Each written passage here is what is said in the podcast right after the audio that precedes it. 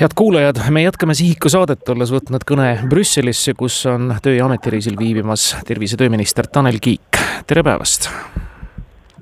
ja tervist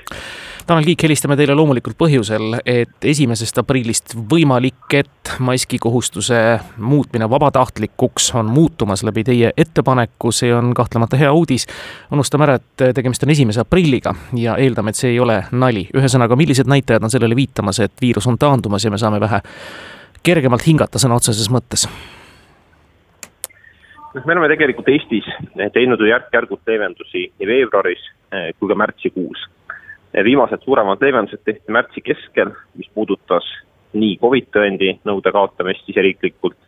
eh, kellaajalistest piirangutest loobumist ja ka osalejate arvu eh, piirangute eh, mahavõtmist. ja nüüd me näeme, et selle kahe nädala jooksul ei ole viiruse levik siiski hoogustunud, viirus on jätkuvalt langustrendis, samamoodi ka haiglate koormus. ja kui vaadata nüüd erinevaid riskimaatrikside mõõdikuid, siis Covid-19 teadusnõukoda on välja pakkunud, et me võiksime eh, maski kandmise nõude seostada nii-öelda kollasele keskmisele riskitasemele jõudmisega.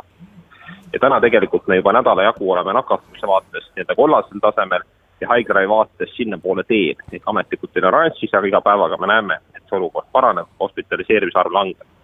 ja sellest tulenevalt on minu hinnangul tõesti õige aeg ja mõistlik eh, nüüd alates aprillist eh, asendada kohustuslik siseruumides maski kandmine vastava soovitusega mis tähendab seda, et näiteks rahvarohkes ühistranspordis, muudes sellistes kohtades on jätkuvalt mõistlik maski kanda, aga seda ei peaks enam nii-öelda valitsuse korraldusega jõustama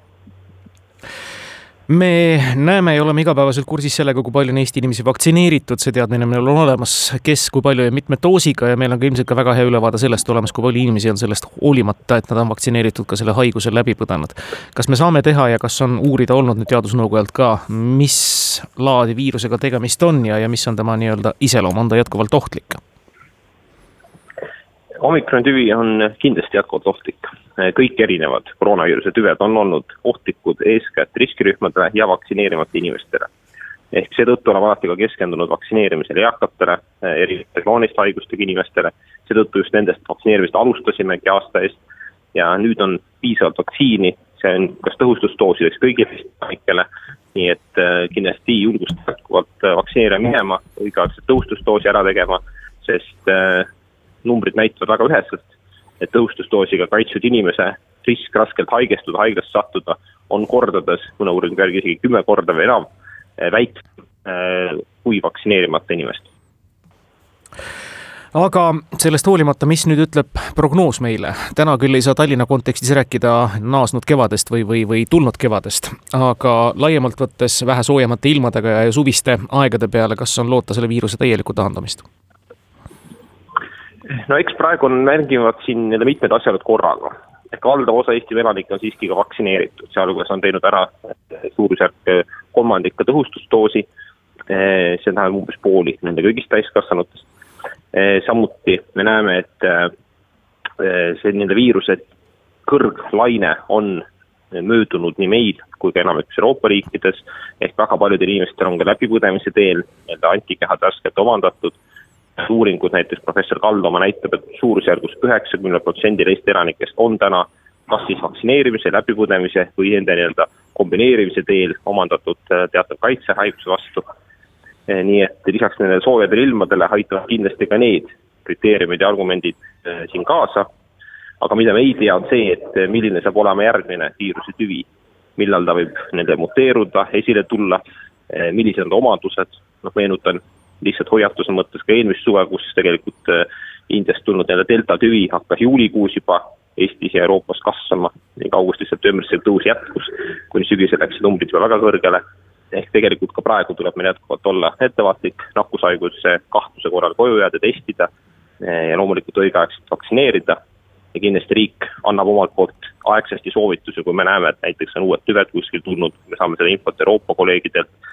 teadusasutuste kaudu aga hetkel, nüüd ja praegu võib öelda, et lähiaja prognoos on pigem positiivne no paraku näitas nüüd siis ja näitab elu iseenesest, ega ka tõhustusdoos ei pruugi omikroni vastu aidata, noh, sel määral, et sa ei, ei viirusega ei nakatu, küll aga noh, võib-olla siis ilmselt kerget läbipõdemist või kergemat läbipõdemist. absoluutselt, vaktsineerimise eesmärk algusest peale on olnud inimeste elu ja tervist kaitsta. vaktsineerimise eesmärk pole kunagi eh, nakatumise vähendamine, nakatumise ärahoidmine, see on alati selline teisene võib-olla funktsioon, mida tõesti varasemate tüvede puhul me nägime, et, et vaktsiinid täiendavalt teha aitasid. aga see peamine eesmärk, peamine funktsioon, et eh, rasket haigust leevendada, inimest seeläbi kaitsta, selles on jätkuvalt need vaktsiinid eh, väga efektiivsed kuidas nüüd need vahepealsed päevad ja tegelikult isegi nädalad, kuud, mis on Ukraina sõja täielikku varju jäänud, on läinud sellel rindel, mis puudutab siis tõepoolest eh, noh, ütleme tervishoiupoliitika väljatöötamist järgmiste nakkuslainete puhuks, seda on alati ette heidetud eh, valitsusele ja asjaomastele ametkondadele, et järgmise viiruselaine noh, nii-öelda algus on maha magatud ja, ja numbrid on katastroofiliseks pöördunud. kas nüüd on asi paremaks läinud ja tasahilju on seda poliitikat välja töötatud? Noh, tegelikult me oleme iga kord ju valmistunud järgmiseks laineks ja võib öelda, et iga järgmine laine eh, üldiselt me oleme ka olnud paremini valmis. ehk need mured, mis olid alguses isikukaitsevahenditega seonduvalt, üldise info eh, vaegsusest sõltuvalt, on ju järjest lahendatud, eh, samuti ka vaktsineerimise osas. teises laines oli suur probleem, et meil lihtsalt polnud piisavalt vaktsiini inimestele pakkuda, toona oli ka haiglate nii-öelda koormuse tipp tegelikult kõigi lainete võrdluses nii suremuse vaates, hospitaliseerimise vaates, intensiivravi vaates, mis tahes kriteeriumit aluseks võttes et nüüd kolmas ja neljas laine on tegelikult tänu vaktsineerimisele, piisavatele isikukaitsevahenditele ja parematele teadmistele mõnevõrra kergemini möödunud, isegi kui nakatumine kui selline on olnud suurem, kuna viiruse levik ehk viiruse tüvi on olnud iseenesest veelgi nii-öelda nakkusohtlikum. ja olen selles vaates ka optimistlik, et ka järgmiseks laineks meil on see arsenal, mis puudutab tõesti vaktsiine, isikukaitsevahendeid, teadmispõhist infot, eh, samuti võimalik, et ka juba esmaseid selliseid ravimeid käsimüügi vaates on eh, selgelt parem mis tähendab seda, et me ei pea enam tegema nii laiaulatuslikke piiranguid, vaid saame rohkem keskenduda tõesti eh, õigeaegsele vaktsineerimisele, mõistlikele käitumisjuhenditele ja juhistele inimestele eh, ning arvestada ka inimeste enda vastutustundliku eh, käitumise teadmisega, kuna me oleme selles kriisis ju kõik koos, mitte ei ole siin tervisevaldkond üksinda mida välja lugeda sellest, et Hiinas, kus vist järjekordne nakkuselaine on pead tõstmas, on noh, esimeste nakatunute puhul sisuliselt suured miljonilinnad taas kord lukku pandud, kas me peaksime midagi kartma? Riikidel on olnud erinev poliitika ja Hiina poliitika tõesti on olnud noh, võib-olla selline nulltolerants nii-öelda viiruse leviku suhtes. enamik Euroopa riike on läinud teist teed, või ütleme pea kogu Euroopa on läinud teist teed. mõnes mõttes võib, võib riigist aru saada, ehk see on tegemist ühe koma kolme miljardi elanikuga riigiga, et kus selline laiaulatuslik viiruse levik võib kaasa tuua noh, meeletuid koormusi ja muresid tervishoiusüsteemile, haiglakoormust, suremust. Äh, aga kui me vaatame nüüd Eesti vaates, Euroopa vaates, siis me oleme suutnud ju hoida ikkagi haiglad toimivana, äh, plaanilise ravi nii palju kui võimalik avatuna, ka ilma niivõrd laiaulatuslike piiranguteta lõpetuseks, kas me oskame täna prognoosida, kas on lähikuudel oodata mõnda sellist täiesti viiruse ja nakatumise vaba päeva? Pigem ma seda ei usu, ehk et see viirus meiega ringleb ja jääb, need numbrid on märkimisväärselt kõrgemad. ka eelmisel suvel, kui meenutate, sellist päeva tegelikult ei olnud, kus viiruse levik oleks olnud null. üle-eelmisel suvel tõepoolest, aga siis oli ka algne Wuhani nii-öelda viiruse variant, mis oli oluliselt vähem nii-öelda nakkusohtlik, eh, oluliselt väiksema nakkuskordajaga. ehk praegust viiruse levikut, inimeste tihedat suhtlemist, sealhulgas ka riikidevahelist liikumist arvestades nullipäevi ma ei prognoosi küll aga äh, haiglate koormus äh, langeb edasi